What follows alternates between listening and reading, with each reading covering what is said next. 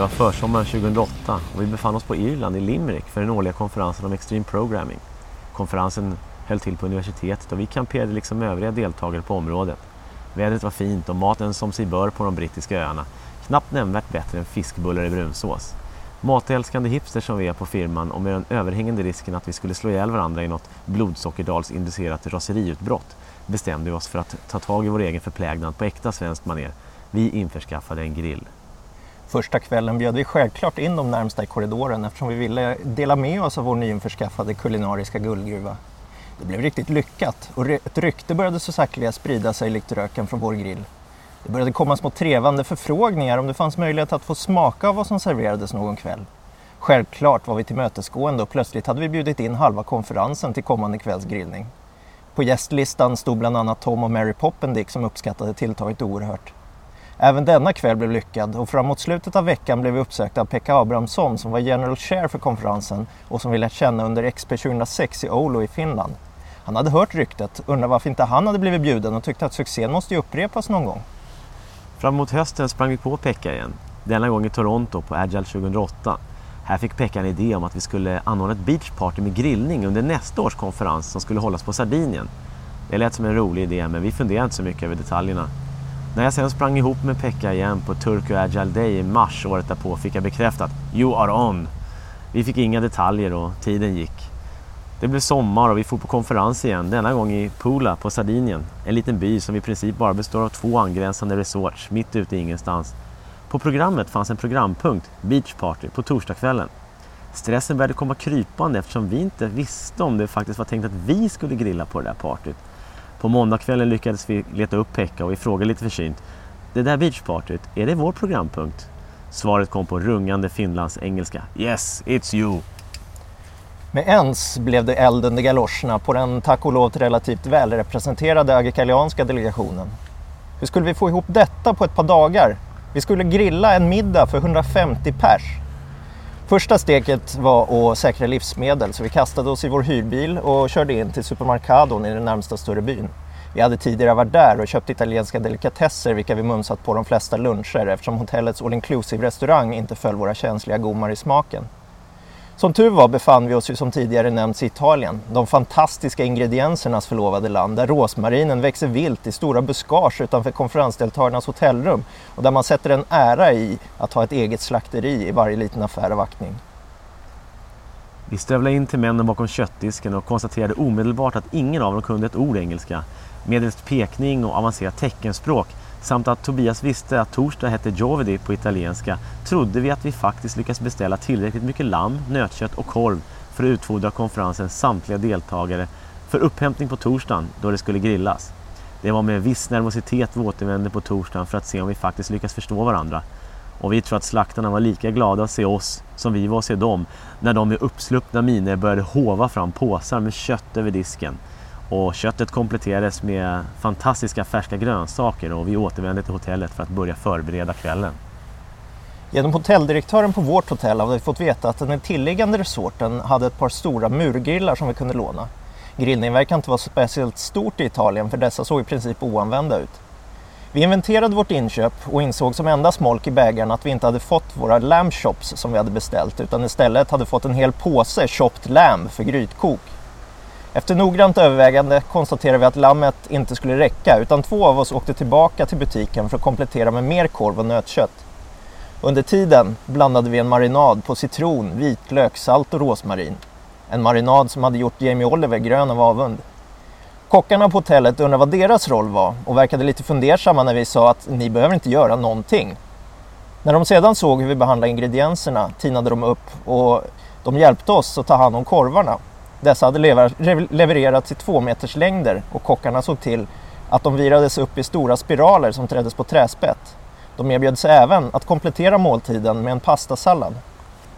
På kvällen grillades det så det stod härliga till och först i kön till utfodringen stod Mary Poppendick och hoppade av förväntan.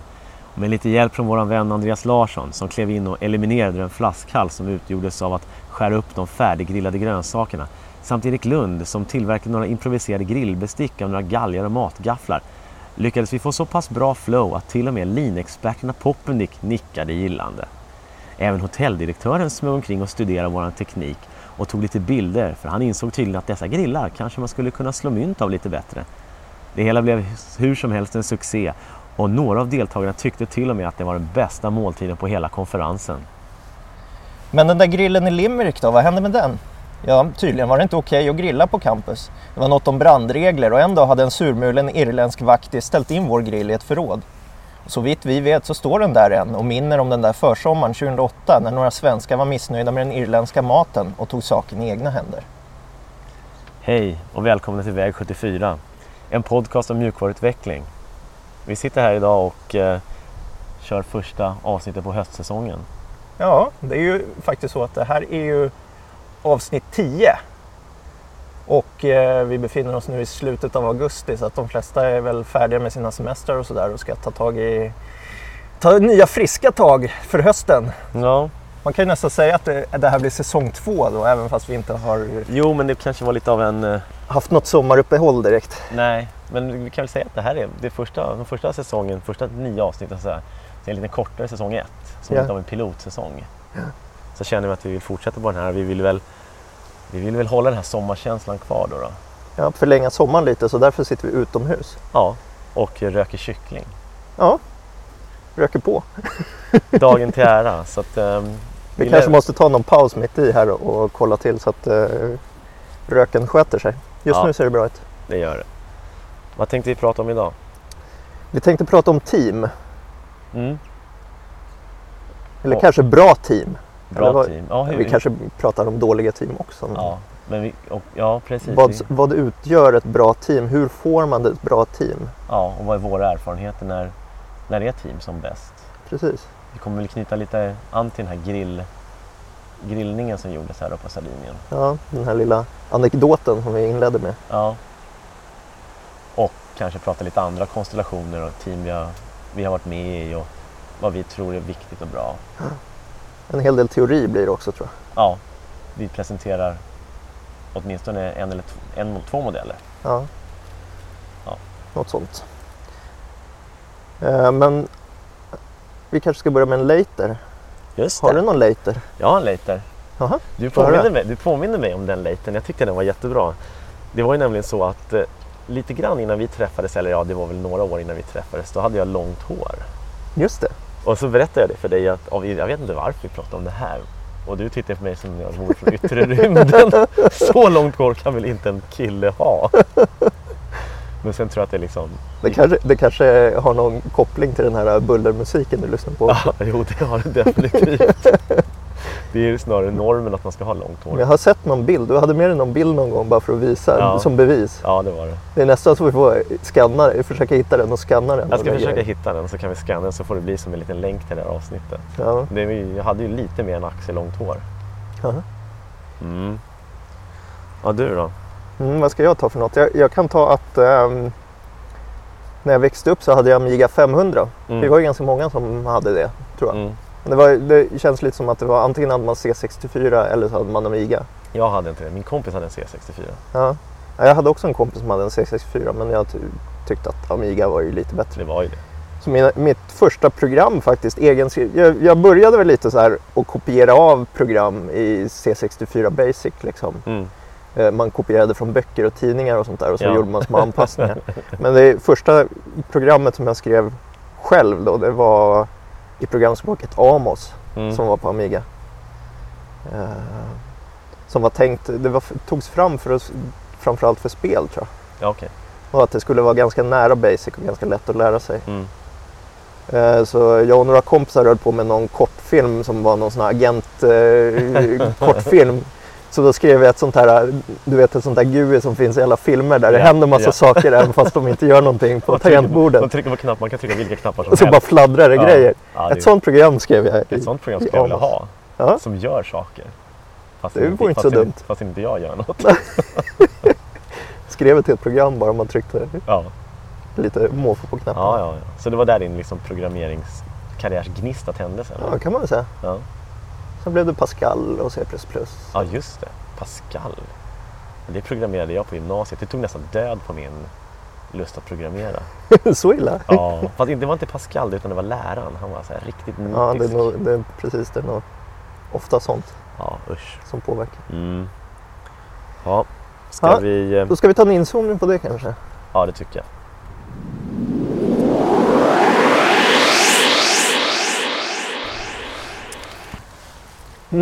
Du hade någon... Nej, det var jag som hittade på den här inzoomningen. Ja, det var det. Ditt, ditt, du sa, ska vi inte prata lite om språkval? Just det. Och med språkval så menar vi framförallt handlar det väl om greenfield-utveckling. Om du ska skriva någonting nytt Mm. och har helt fria tyglar. Ja. Vilket programspråk skulle du välja då? Jag vet inte. Jag, jag skulle förmodligen...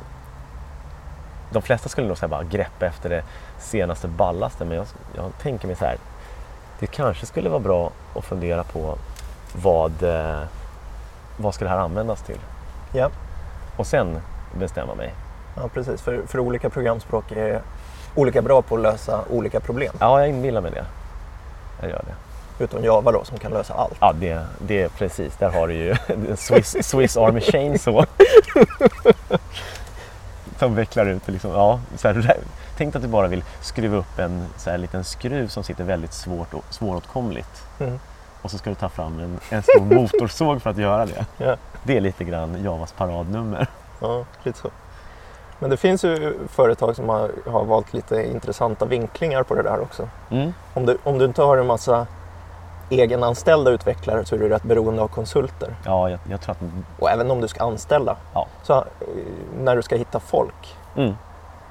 så kan språkvalet eh, påverka. Att Ja. om du väljer till exempel Java då har du väldigt många konsulter och eh, utvecklare att välja ifrån när du ska anställa eller Ja, jag ser, precis. Java och C-sharp, då har du ju en, en hel dröser av konsulter. Ja. Men det är ganska svårt att hitta de som är riktigt duktiga då. Ja, Medan om du väljer ett språk som Erlang eller Clojure eller sådär. ja.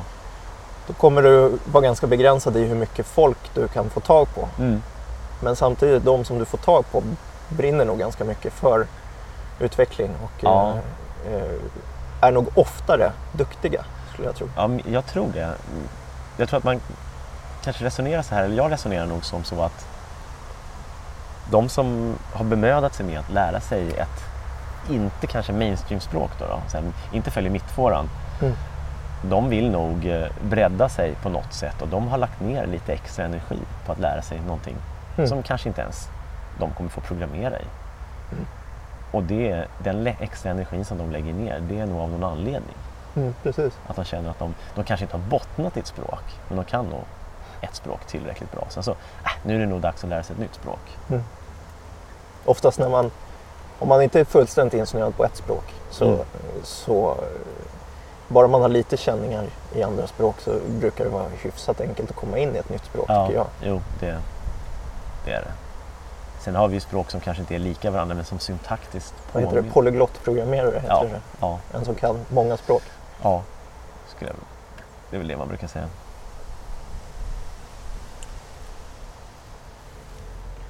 Ja, ehm, ska vi ta huvudämnet då?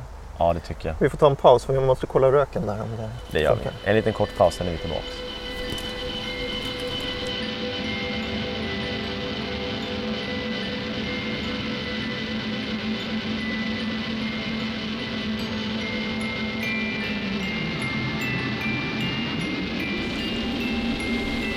Ja, det här ämnet då. då. Vi... Team. Team, ja. Precis. Grymma team. Grymma team. Jag tror att jag såg en, en tweet om, ehm, om en artikel i Mm. eh, Harvard Business Review. Mm. Den hette någonting i stil med The New Science eh, of Building Great Teams. Mm. Och så tänkte jag så här, okej vadå, det finns alltså forskning om eh, hur man får ihop ett grymt team. Mm. Och så tänkte jag, vad är det här för, vad är det för, vad är det för nonsens? Mm. Eh, det här kan man ju inte forska på. Så läste jag den här artikeln och så skickade jag den till dig och så tänkte jag, men det här, vi måste ju, vi måste ju prata om grymma team. Ja, just det. På något sätt så kände jag att, i alla fall vi har ju pratat om det flera gånger här när vi grillade nu på Sardinien som vi inledde det här lilla Mm. avsnittet med. Det var ju en sån tillfälle när jag kände att jäklar vilket flow vi hade och jäklar vad kul det var. Precis. Och det, det kändes som vi, vi kanske inte överpresterade men att, att vi skulle grilla för, vi visste inte exakt hur många det var, men att vi skulle grilla för vad som visade sig vara 150 pers då. då. Mm. Det var ingenting som vi vi trodde att vi skulle Med göra. ytterst lite planering. Är väldigt lite planering. Två dagar liksom. Ja. Vi hade ju på någon, vi hade någon aning om att det här, vi kanske skulle göra det här men vi visste ju inte att det faktiskt var så att vi skulle det. Nej. Vilket gjorde att vi fick en liten så här lätt panikkänsla Ja. ett kort tag. Men sen, nu jäkla drar vi ihop det här. Som tur var var det ju ett, ett ämne som vi var gan- ganska proficient i också. Jo, alltså alla som... Vi har åtminstone två stycken som är, du och Danne är ju väldigt duktiga på att grilla. Ja, jo, det är nästan Även så Jocke. att jag, precis, det är nästan så att jag går ut och grillar eh, rostbröd liksom på helgerna. så mycket gillar jag att grilla. Ja. Så det, var ju, det var inte första gången vi gjorde det, men det var ju första gången vi gjorde det på det sättet i Italien så att säga. Och Ja. sådär. Så att det, och det, ja, men hela liksom, det var väl upptakten till det här ämnet då, ämnesvalet. ja, precis. Så då har vi redan varit inne på kompetenta individer. Är inte det en ganska så här eh, klassisk teori att har man bara kompetenta individer i teamet Mm. Alltså, Det är så du får det bästa utvecklingsteamet. Du har de bästa programmerarna. Ja. Är det så? Jo, det är klart. Det är klart med, det är inte, blir inte automatiskt bra utveckling då. Nej. Jag tänkte, jag gillar ju lite sport och sådär, dra lite sportmetaforer nu och då. Tänk om du sätter ihop de allra bästa spelarna i ett, i ett fotbollslag. Mm. Det behöver inte nödvändigtvis bli det bästa laget som vinner en turnering eller någonting Nej. sånt. Utan det kan, du behöver lite av varje. Och det var väl det som jag tyckte den här HBR-artikeln lite grann talade till mig. Mm. Att det faktiskt finns någonting som gör att teamet blir ändå bättre. Om vi nu utgår från att vi har bra individer, Mm. eller för all del dåliga individer. Om, man nu, om man nu kan vara en dålig individ. Man kanske kan vara mindre lämpad för en situation. Ja, man kan vara mer junior eller vad man ska säga. Ja, det kan man ju också vara. Men vi säger att vi har bra individer. Hur, hur får vi den här gruppen att jobba bättre då? De hade ju, I den här artikeln så lyfter de ju fram det var väldigt mycket fokus på kommunikation, eller hur? Och Kommunikationsvägar och kommunikationsstil. och kommunikationsstil. Ja. Ja. Men om man börjar med kommunikationsvägarna. Men vad var det de hade sett? Kan man sammanfatta det lite kort? Ja, det handlade om energinivå och engagemang. De hade, ju, de hade ju egentligen inte forskat på utvecklare utan de hade forskat på, på callcenters, eller hur? Ja, Vilket är ganska repetitivt arbete. ja det skulle jag säga. Ja. Och det är ju ofta inte utveckling. Men det är fortfarande intressanta eh, slutsatser de har dragit. ja, de hade satt, de hade använt lite modern teknik. Eh, satt på eh, någon form av läsare på människor som Mm. kollade hur de kommunicerade med andra och med vilka de kommunicerade med dem. Just det. Och det var väl två saker va? som var utmärkande och det var energinivån va? och engagemanget. Ja, just det. Nu vet inte exakt vad energinivå och engagemang betyder men man kan väl tänka sig Mm. hur det är. Men energinivån är väl helt enkelt hur, hur pass engagerad man är i samtalet. Mm. Ja, Om det är mycket viftande och Så sånt var här. det. just det, så var det. Om det är animerat så Just det. är det hög energi. Ja, och röstläget. Röstläge, gester och hur man positionerar sig när man pratar med, med personer. Ja, just det. Och man tittade dem i ögonen och Ja, sånt där. ja. och om man, om man vänder kroppen Och man hånglade och sånt. Inte om man hånglade, det var en annan... Fast det måste vara hög energi. Framförallt så vet du det, riktar man sig mot den människan oftast. Då. Ja. Mm. Så de tre punkterna var ju viktiga. Och vad de mer lyfte fram som var lite av en, eh, en vad heter det, om det skulle bli bra eller dåligt i den här gruppen var ju personer som lyckades fördela den här, hur mycket folk pratade också med varandra. De kallade det för ehm, Charismatic connectors va? Charismatic connectors, ja. Karismatiska. Naturliga ledare var det väl egentligen. Eh, Ja, ja. Om man vill prata i de termerna. Ja. Men Många, precis, många buntar ihop det där och kallar det för naturliga ledare. vi är lite mer inne på att det är en roll som någon tar. Eller en, Ja, eller en aktivitet, En aktivitet ja. Att eh, någon person märker att oj, nu, nu kanske det är dags för Leffe att prata lite Mm. mer. Mm. Eller Anna, hon har inte ens lyft blicken från pappret. Och där var det ganska eh, uppenbart att ju fler sådana du hade i teamet desto bättre blev det. Ja, enligt den här forskningen då. då. Ja.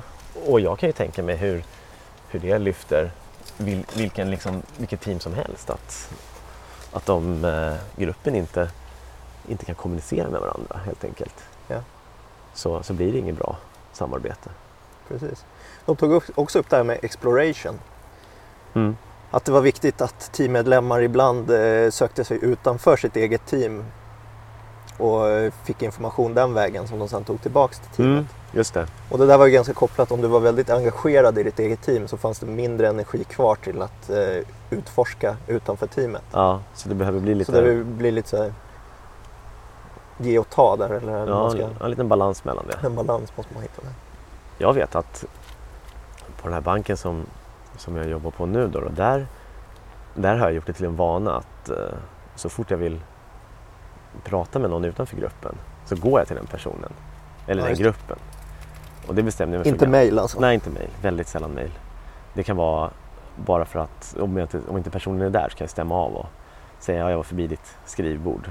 Mm. Det där har en väldigt positiv effekt. Då lär man ju känna, jag lär ju känna liksom, personer utanför gruppen då. Ja, precis. Och det blir väldigt lätt att få hjälp och ge hjälp. Ja. Så jag tycker mig se ett mönster redan nu att, att personer också kommer till mig och pratar hellre än att mejla mig.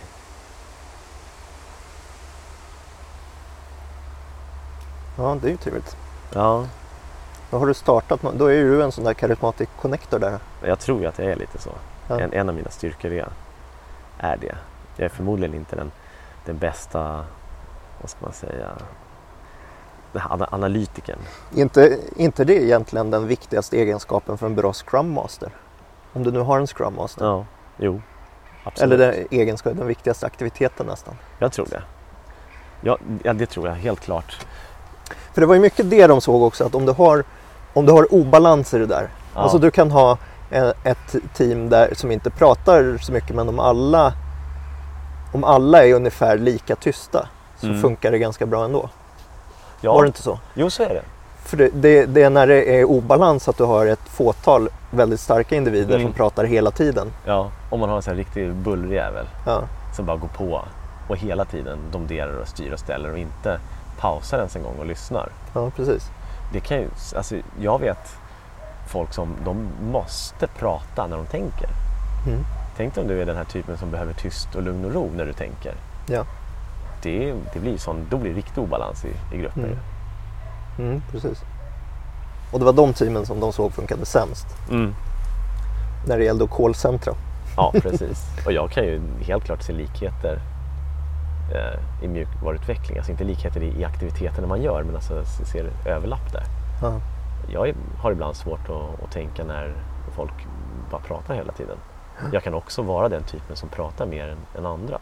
Ja. Men vi pratade lite grann om det igår också, hur, hur du och jag blir motiverade.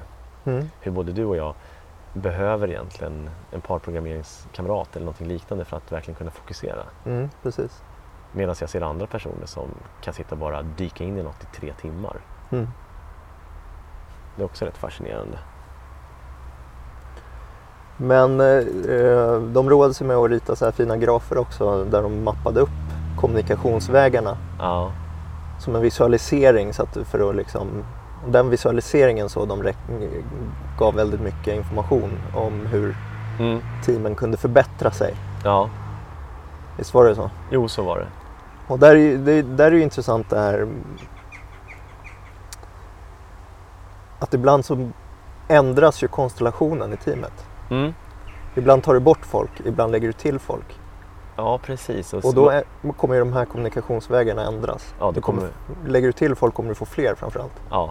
Jo, vi satt ju och ritade lite grann på det där igår Ja, och hittade den här, eh, en liten så här, hur många kommunikationsvägar finns det i ett team? Ja. Någon liten formel för det. kommer du ihåg vad den var? Jag kommer inte ihåg den, men jag har faktiskt skrivit ner den. Ja, vad bra. Så att eh, om antalet personer i ett team är en, Ja. så är antalet kommunikationsvägar en gånger en minus ett genom två. Okej. Så har man 10 personer i sitt team så blir det 10 gånger 9, det är 45. Ja, Stämmer det? Ja. 45 kommunikationsvägar. ja. Och drar du ner det till sju, då blir det ju sju gånger sex genom två. Mm. Vilket jag får till 21. Ja. Det är ganska stor skillnad Ja, på bara tre personer. på tre personer.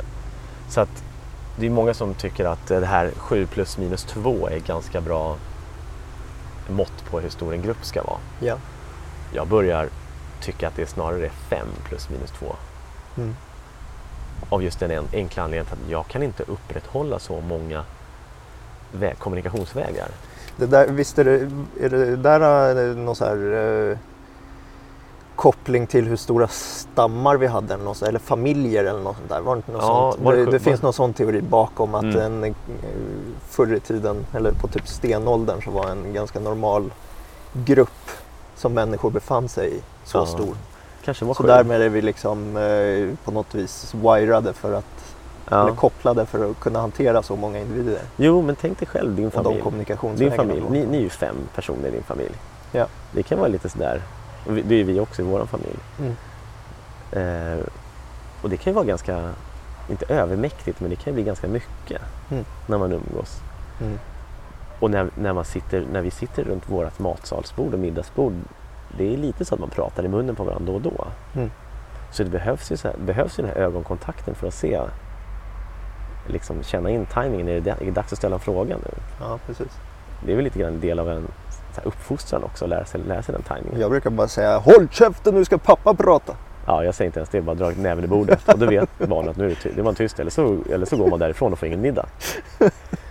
Det är lite grann så, ja hej, välkommen till eh, barnuppfostran A123 med Tobias och Nu Ola. ringer de BRIS här alla våra lyssnare.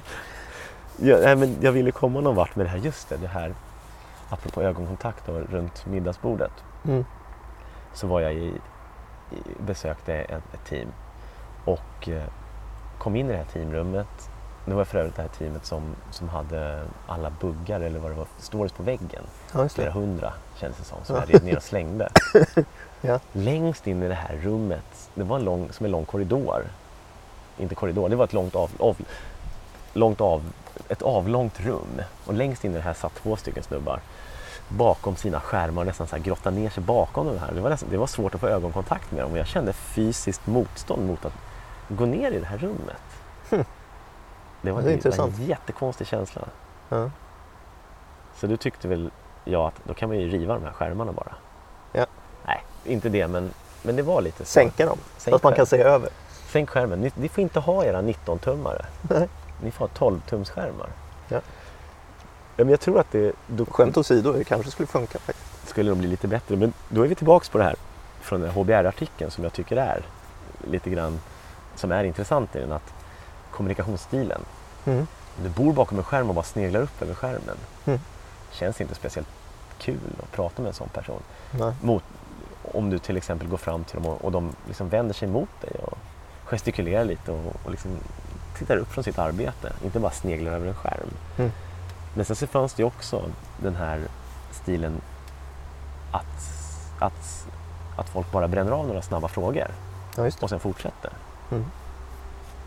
Men jag vill ju ha den här balansen mellan de där två. Mm. Och jag tror på informella möten. Mhm. Det vill säga när du eh, istället för att ja, vi ses på mötet, vi har vårt ståuppmöte.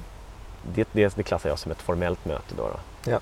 9.20 varje morgon ses vi. Mm. Svarar på tre frågor. Sen går vi därifrån. Ja. Då, då föredrar jag att eh, när alla har kommit på plats Ja, sen så börjar, så jobbar, jobbas det på och sen så är det någon som har en fråga så ställer man den rätt ut Mm. i teamet. Mm. Det bygger ju, allt det här bygger ju, oft, bygger på att, att eh, vi har ögonkontakt med varandra, vi som jobbar. Mm, precis. Eller åtminstone har... Då behöver man inte vara så många. Nej, nej precis. Då kan det inte vara 19 pers. Nej. Du kan vara det men du behöver vara jäkligt skicklig på, på den här karismatiska, du behöver vara den karismatiska typ alla behöver nog vara charismatic connectors i så Ja, fall. ja, Ha den rollen hela tiden. ja.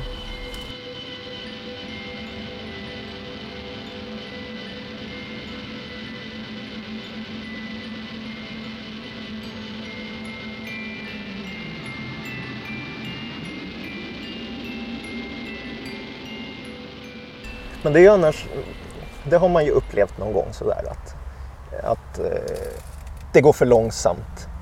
Vi behöver mer folk. Just det. Ja, vi pratade ju där med, jag tror att vi, vi pratade om det i avsnittet No Estimates också. Ja, det är möjligt. Att nu kastar vi mer folk på det här. Vilket gör att är man sen så enligt Brooks lag eller något sånt där. Om du är sen i projektet, kasta på mer folk, då blir du mer sen. Ja. Och det, är väl- det tycker jag, det, det kopplar jag direkt till, eh, till det här med kommunikationsvägar. Ja. Vi behöver upprätta nya kommunikationsvägar och det tar en stund. Det finns ju en annan modell för det där också, den här Tuckmans va? Ja, Forming, storming, norming, performing just det. som man brukar prata om. Ja, den gillar jag. Att ett team går igenom ett antal faser. Att först så formas man Ja. och sen så normaliseras man. Nej, sen stormar man. Sen, storm, sen stormar i gruppen skulle jag säga. Ja, precis. Och det handlar ju om att alla gruppdeltagare måste hitta sin plats Mm. på något vis. Mm. Och det är väl här man sätter upp de här kommunikationsvägarna lite grann. Ja, också. det skulle jag säga. Och sen efter det, när, när man har stormat ett tag, då börjar man normaliseras. De här, all, alla kommunikationsvägar börjar normaliseras. Ja. Och, eh, sådär. Man börjar känna varandra lite grann. Ja, Och först efter det kan man börja faktiskt åstadkomma någonting då. Performing. Performing, ja. Mm. Jo, Och eh, en grupp kan ju... Det tar ju tid att klättra upp på den där fram till performing. Och så Ja. fort du ändrar konstellationen genom att rycka bort någon som kanske råkar vara en charismatic connector till exempel. mm. Eller lägga till fler personer. Mm. Då kommer du ju trilla tillbaks till storming. Liksom. ja, det tror jag också. Sen så kan man ju Sen så färdas säkert grupper olika fort genom de här faserna. Ja, absolut. Och det kanske beror på karismatiska kopplare. Ja. Kallar vi dem. Kan inte kalla det för KK. du, men nu är det det som folk kommer komma ihåg. Det får bli det helt enkelt. Det får bli det. Ehm, ja, precis. Och, men det där har ju också en påverkan i det där måste ju vara vilken eh, sorts människor det är. Mm. Till exempel om du slänger in en sån här extremt stark människa Mm. så kommer ju det storma mer. För det, han kommer förmodligen riva upp, eller hon kommer Mm. förmodligen riva upp kopplingar som redan Ja. var normaliserade. Liksom, mer än en person som kanske bara för att du säger så här, det kan, det kan lika gärna vara en tjej, så tänker jag att jag har aldrig varit med om, eller jag kanske har så himla skev bild av verkligheten, men jag har aldrig varit med om att det är någonting annat än, än män som är sådär buffeltyper. Nej. Fast å andra sidan så har jag inte varit med om så många buffeltyper överhuvudtaget. Nej. Kanske är för att jag tycker att det är så himla jobbigt att bara gå därifrån. Men det, eh, när vi ändå pratar om det så det har jag funderat mycket. De team jag har varit i som jag har känt har fungerat riktigt bra. Ja, De har ändå som jag sagt tidigare så har väl alla legat på ungefär samma nivå på något, i någon, på något vis. på teknisk nivå menar du eller? Ja, jag vet inte. Ja, jag skulle tro det. Eller Ja. ambitionsnivå Ja, eller något ja. sånt. Eh, men framförallt har de varit varierade. Mm.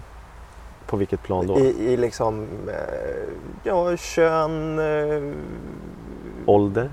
ja, ålder också. Intressen? Hobbysar eller? Ja, jag tror det. Ja. Ja det, det där är ju faktiskt då, vi kör ju våra laters. Ja. Och jag tror att en, sån här, en, en KK då, då Mm. är en person som, som kan, kan det här med laters. Jag vet när det är dags att dra av ett skämt. Vet Mm. när det är dags att, att berätta att eh, du, jag är ju en jäkel på att odla rosor. Ja. Det har jag hållit på med i 13 år. Eller har du sett min VHS-samling? Det är 7000 filmer. Jag har ju allt från Evita till Motorsågsmassakern. Tyvärr är VHS-spelaren trasig och det går inte att tag på en Nej, just det. Ja. Kanske jag avslöjar lite om min ålder här. Betamax, Betamax menar jag. Ja, Ja, det är helt överlägset VHS för övrigt. Men jag, ser att- jag tror att de här karismatiska kopplarna då, då de kan eh, laters. Mm. Och de kan också det som det här eh, ramverket för feedback. Mm. Det är liksom helt internaliserat nästan i deras eh, kroppar. Mm. De står inte och tittar på en lapp. Ja, hej, eh, look for an opening. Du Tobias, är det här Vilket ett... avsnitt var det vi nämnde det förresten? Om det är någon som vill lyssna tillbaks. Jag minns inte, jag tror att det faktiskt var en inzoomning. Jag vet inte. Nej, jag kommer inte ihåg heller. Nej, jag tror vi tog upp det i typ eh, avsnitt två eller något sånt. Ja. Ja. Så man vill inte ha folk som bara står och titta på en fusklapp när du ska föra en viktig konversation. Nej. Nej, precis. Vi har ju planerat, du och jag och, och alla vi på Agical och flera andra då, då. Jag har varit med och planerat konferenser med många men här senast så, var vi, så planerade ju vårt Agicals företag där vi jobbar, våra tioårskalas. Just det. Och du bor ju i Skåne och de flesta av oss bor ju i eh, Stockholm. Mm. Så vi ses ju inte regelbundet men vi sköter våran, mesta delen av vår kommunikation via Slack. Mm, precis. Har vi någon som sponsor förresten? Vi kanske skulle, Vi kanske skulle vi, greja använder- det. Ja, nej, men i alla fall, vi använder Slack. Och då, på gammalt vanligt manér, så kastar vi upp idéer i den här planeringskanalen. Mm, Vi borde göra det här. Vore det inte kul om det liksom flög in en elefant med helikopter, landade på vå- övervåningen och sprutade champagne i snabeln?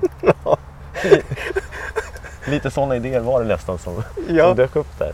Och det var knappt överdrivet en sekund. Nej. Ja, jag, jag, vi pratade om det här igår kväll och då sa jag precis det att, att, att jag blev ganska stressad Ja. av det här. För att det är ju slack i all ära men det saknas ju lite bandbredd i den kommunikationen. Jo, det gör. Så att man vet inte exakt hur pass liksom, seriöst gångna de här idéerna är. Så Nej. att ofta sitter man där och så bara "Men vad Är ni dumma i huvudet? Det finns inte en chans att vi ska hinna få Nej. in, liksom, hyra in en elefant. Fattar ni hur mycket jobb det är? Liksom? Och fattar ni Naturvårdsverket och alla djur... Och champagne går inte ens att dricka när den är sprutad ur. Det kanske är den värsta delikatessen att passera genom en elefantsnabel. Ja, det finns ju det där kaffet som Ja. man passerar genom. Ja. Koppilumak eller vad heter det? ja. Nej, men vi kallar ju det här lite grann utforska panik. Ja. Och jag tror att i grupper som, som inte riktigt har liksom kittat ihop sig, Mm. då, då, då, då är den här paniken ganska nära förestående. Mm. Folk drabbas av den här paniken väldigt eh, lätt och framförallt hårt. Det tar dem väldigt hårt. Mm. Medan vi kanske då, då i, i det sammanhanget när vi känner varandra lite bättre. Att, men det var ändå intressant att du, att du sa det att, att den där kom ändå, den paniken. Mm. Och, och jag tror ändå att håller, håller man på med mjukvaruutveckling så är det ett stort, eh, stort, en stor del av ens arbete är utforska. Ja. Och då kommer den här panikkänslan komma krypandes. Mm. Och då behöver du en grupp som du kan få stöd av. Mm. Inte en grupp som liksom, så fort någon får panik så liksom skenar hela jorden. Ja. Så är det liksom tio utvecklare som springer runt på plan sju och är helt galna Ja. i en kvart för att man upptäckte en, liksom en brist i systemet eller en story som inte fanns. Mm. Så, så jag skulle vilja jag skulle vilja Det där kan ju komma externt också. eh, utforska paniken. Ja. Ja, eller, eller eh, någon som tycker att nu verkar de panika här, nu ska jag styra upp. Ja, fy fasiken, det är inte kul. Nej. Tänk dig, man är i värsta sköna brainstormingfasen eller om man panikar lite grann faktiskt. Och så får någon annan storspelet utanför gruppen Ja. och går in och så här, rycker fram oxpiskan och så börjar den vina. Mm. Nu är det dags att ni liksom lägger in det här i TFSen eller nu, är det, nu måste vi göra det här. Mm. Då tycker jag att man kapar av en så här superviktig del i det här autonoma Mm. som jag vill ha i en grupp. Vi ska prata mer om autonomi, men vi måste ta en paus igen för jag måste kolla temperaturen på röken. Ja, gör det.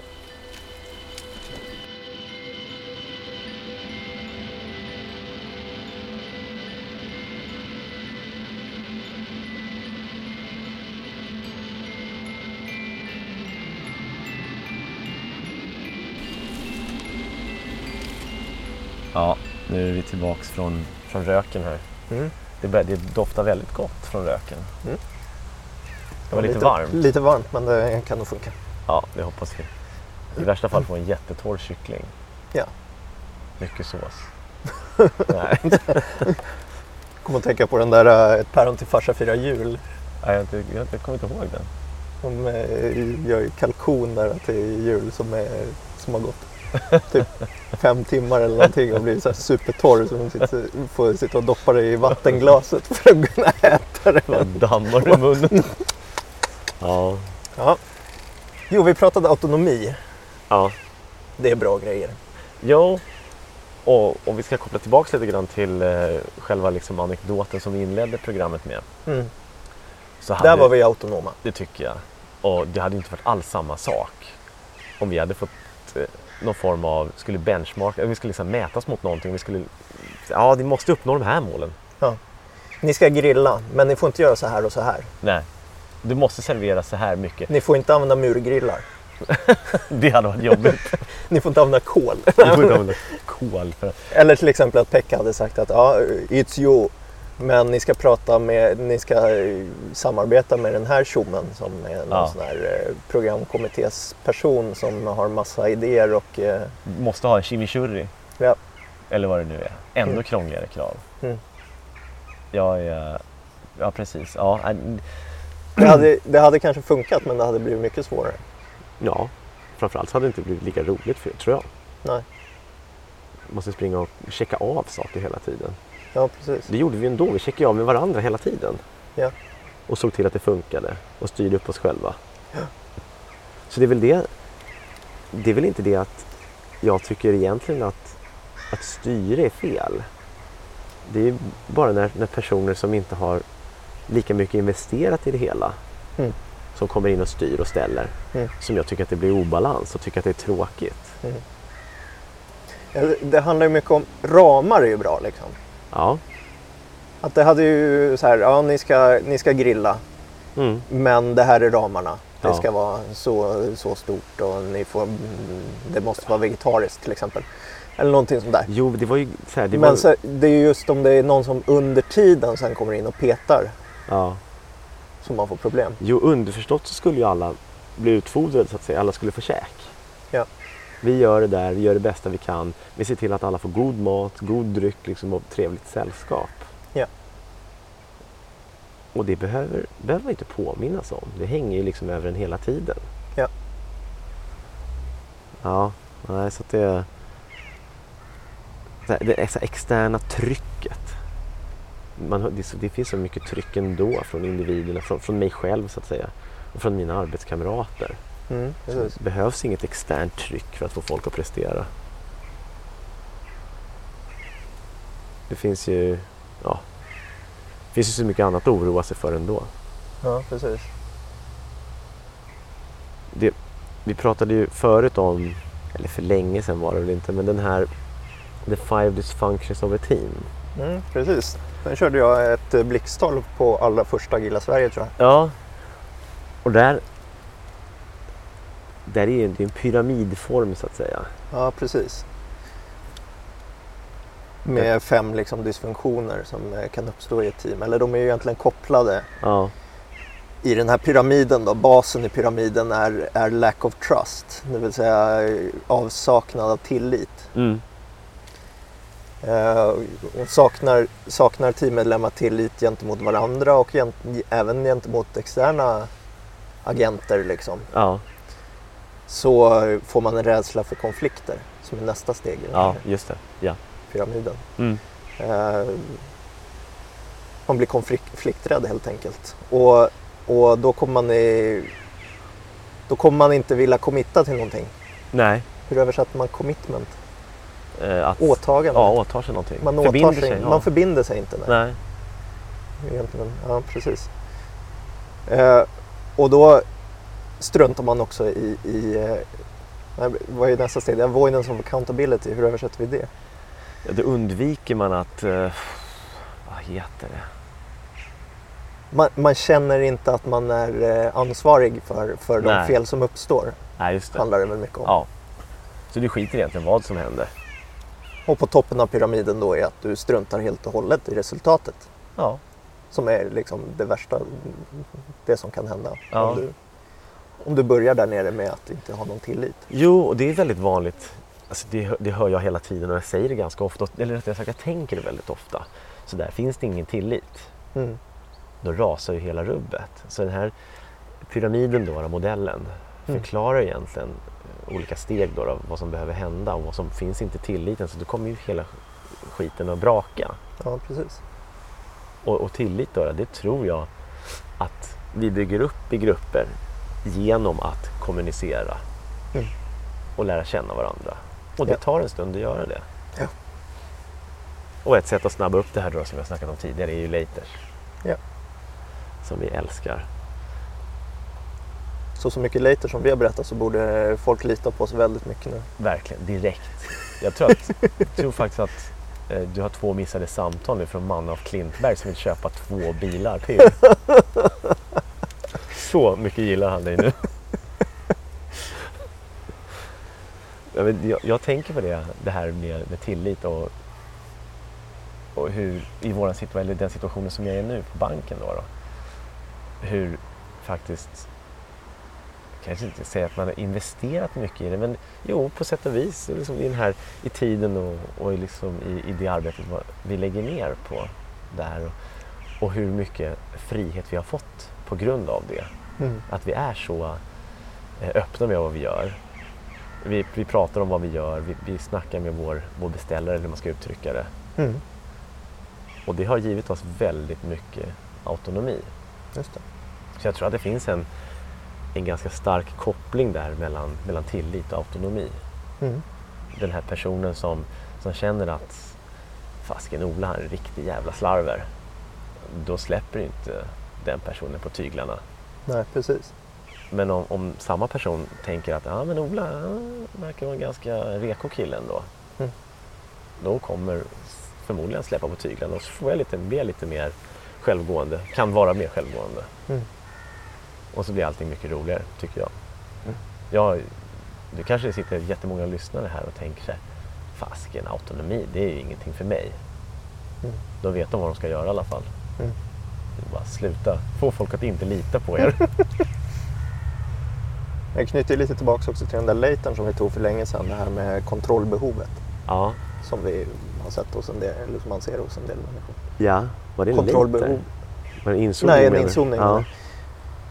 Kontrollbehovet motverkar ju autonomi. Liksom. ja, precis. Det har jag inte tänkt på, även om kanske det är ganska så. Det är ju det. Precis. Mm. Det står ju i direkt kontrast till autonomi. Mm, precis. Ja. Just det. Så den personen då, då som har det här kontrollbehovet verkar ju precis, kommer ju... Det, det, alltså kontrollbehov föder ju mer kontroll, kontroll, eller hur? Ja. Det är mycket ond spiral. Eller en förstärkande spiral som många ser som negativ. precis. Ja. Så stop it. Sluta kontrollera andra. Mm. Ja. Jag vet inte om det här har gett så mycket konkret men det har nog i alla fall gett lite tankekatalysatorer. Jag Kataly- hoppas på det. Det är lite en mjukstart då, då kan vi Mm. säga på Mm. höstsäsongen. Mm. Men de avsnitten som vi, det är kanske ingen som har märkt det, men vi har ju lite som en eh, avsikt att servera ett lite fluffigare avsnitt och ett lite stuffigare avsnitt. Mm. Ett mjukare och ett hårdare. Vi får hårda till det lite nu med några kortkommandon kanske. Det tycker jag.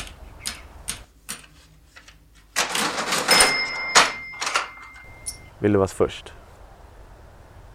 Nej, du kan få först. Jag är först. Ja. Jag knyter an till, till förra avsnittet som handlar om refaktoriseringar. Mm. Och en favoritrefaktorisering som jag har är att eh, ändra metodsignatur. Just det. Nu kanske folk, det borde folk ha fattat vid det här laget att det är mycket Java vi håller på med. Mm. Och jobbar man med Java så är det antingen Eclipse eller IntelliJ. Ja. Och jag eh, använder Eclipse. Så det här kom- kommandot är från Eclipse och det är Change Method Signature och det är Alt Shift C. Ja. Och då kan vi stoppa in ytterligare en parameter. Eller ta bort den. Ta bort en parameter. Jag vet inte vad, vilket jag gillar bäst. Men jag tror att någonstans vid tre, två, tre parametrar på en metod. Signatur eller en konstruktor. Där är Nej, 25. Nej, det är för mycket. Och noll ibland för lite. Ja. Så sweet spoten ligger någonstans mellan 0 och 25. Ja. jag tror att det är närmare 3 faktiskt. Än någonting annat. Allt skift C. Mm. Vad har du att komma med då? Jag har... Eh, vi har ju lite av en favoriteditor. Ja. Eller inte. Det har vi. VI. Ja, den älskar jag. Aha. Och hatar. Så man vill ju kunna komma ut ur den. Fort som fasiken. Och då använder man escape kolon WQ. ja, WQ är ju, då skriver man ju dessutom ändringar till filen. Eller hur? ja. Så. Right, quit. Ja. Om man bara vill köra quit så är det bara Q. Mm. Och har man gjort ändringar som man vill slänga så är det väl Q utropstecken. Ja, jag har för mig att det var här. Men det är ju så, VI det har ju två lägen. Ja. Som man går i och ur så att säga. Ja. Och det är, Kommandoläge och... nej, Nej. det är typ beep mode och break everything. Ja. ja, nej, men det är Oj vad mycket skit vi kommer få på den här VI älskade nu. Men det är bra, då kanske vi kan få lära oss lite VI. Ja. Och lära oss lite kortkommandon. Jag vet i alla fall att man kan göra allting jävligt många gånger. Trycker man någonting och sen så skriver man en siffra då gör man det så många gånger. ja. Nej, jag har... Min, min favoriteditor är väl egentligen Emacs. Mm. Och det är ju... Inte Eclipse alltså. Ja, nej, nej. Det är bara när jag håller på med Java så är Eclipse. Det är som eh, våran vän brukar säga, Marcus, att håller man på med Java då behöver man som robotarmar. Och då är Eclipse mina robotarmar. ja. Hur, ehm, hur kommer man i kontakt med oss? borde folk kunna vid det här laget tycker jag. Ja, så jag tycker vi skiter i det. Nej, det Nej. kan vara någon som lyssnar för Okej. första gången, som din mamma till exempel. Ja, då tycker jag att de ska börja med att gå tillbaka och lyssna på avsnitt 1 till 9, säsong 1. Ja, Eh, men eh, då kan vi väl säga då att det är poddatagrical.se som är mejladressen som gäller. ja. Och sen finns vi på Twitter. Mm. Jag heter att Tobbe Anderberg. Och du heter att Elnestam. Och vi använder hashtaggen VAG74. VAG74. Ja, det var väl allt. Ska vi eh, sola lite till och äta lite kyckling sen då? Ja, det ska vi göra. Tack kära lyssnare för att ni har lyssnat hela vägen hit och eh, kom ihåg, like oss på alla sociala medier men framförallt skriv jättegärna en review på I iTunes. iTunes. Ja. Tack så mycket, Tack så mycket. hej då! Hej då.